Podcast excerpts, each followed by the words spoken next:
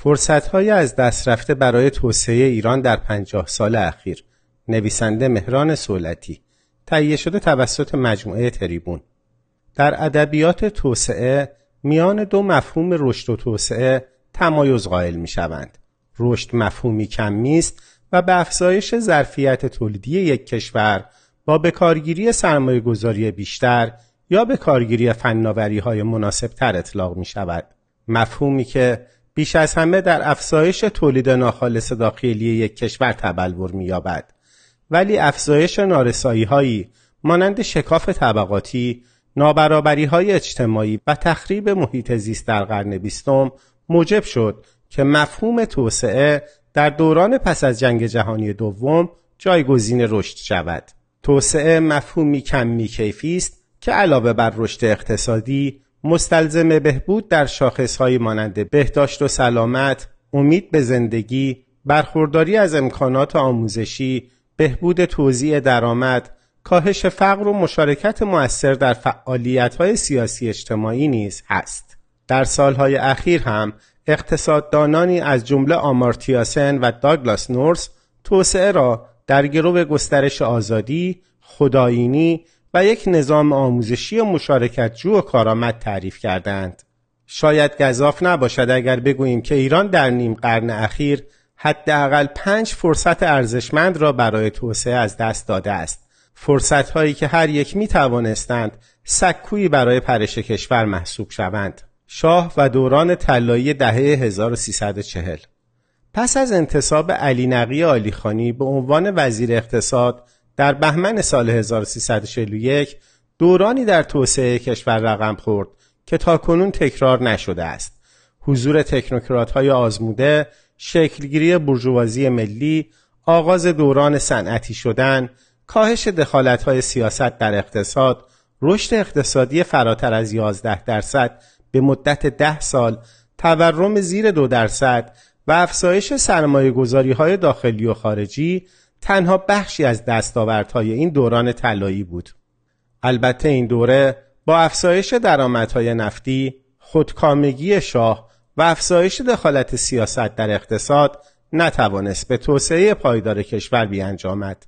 انقلاب و ظرفیت های ایجاد شده با وقوع دگرگونی سیاسی در بهمن 57 اگرچه بخشی از نیروی انسانی با تجربه ایران را ترک کرد ولی بازگشت نیروهای جدید از غرب در کنار انرژی عظیم آزاد شده نوید روزهای بهتری را برای آینده کشور می‌داد.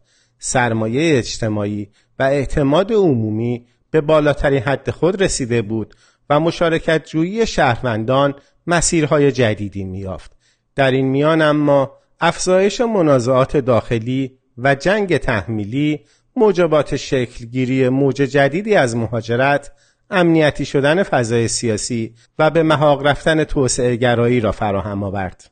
خاتمی و فرصت طلایی اصلاحات دوم خرداد 76 محصول جنبشی بود که به واسطه فربه شدن طبقه متوسط، افزایش رشد اقتصادی و ظهور نیروهای جدید اجتماعی ایجاد شده بود. در دولت اصلاحات اعتماد دوباره ایرانیان به نظام سیاسی در کنار روابط سازنده با جهان و کاهش دخالت سیاست در اقتصاد موجبات تداوم توسعه گرایی را فراهم آورده بود.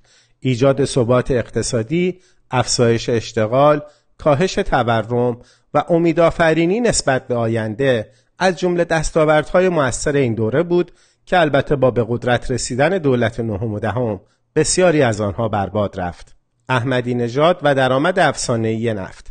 دولت نهم و دهم اگرچه از موهبت نفت 120 دلاری و درآمد 800 میلیارد دلاری در 8 ساله ریاست جمهوری برخوردار بود ولی نتوانست به توسعه گرایی شکل گرفته در دوران پیش از خود تداوم بخشد. سیاست تنشسا با جهان ارجاع پرونده هسته‌ای به شورای امنیت افزایش تدریجی تحریم ها انحلال سازمان مدیریت و خیال پردازی درباره مدیریت جهان کار را به جایی رساند که اشتغال در حد صفر، تورم 35 درصدی و بیثباتی اقتصادی کمترین دستاوردهای زیانبار این دوره بود. روحانی و فرصت آشتی با دنیا گذاف نیست اگر بگوییم در دو دهه گذشته پرونده هسته‌ای و تحریم‌های مربوط به آن مهمترین مانع بر سر راه توسعه یافتگی ایران و باعث افزایش فقر، فلاکت، بیکاری، تورم و کاهش امید به آینده بوده است. با اشراف به چنین وضعیتی بود که روحانی کوشید تا به وسیله برجام این بزرگترین مانع را از سر راه بردارد. شوربختانه برجام اگرچه به خوبی آغاز شد ولی بدفرجام بود و سیکل معیوب توسعه نیافتگی کشور را به وضعیت پیشین و ادامه تنشها و تحریمها برگرداند. نکته پایانی اگرچه ایران در نیم قرن اخیر دستاوردهای قابل توجهی در شاخصهای توسعه انسانی داشته است ولی فراز و فرودهای فراوان سیاسی مانع از پایداری فرایند توسعه یافتگی کشور در مقایسه با سایر کشورهای جهان و حتی منطقه شده است. واقعیتی که می‌تواند بسیار نگران کننده باشد.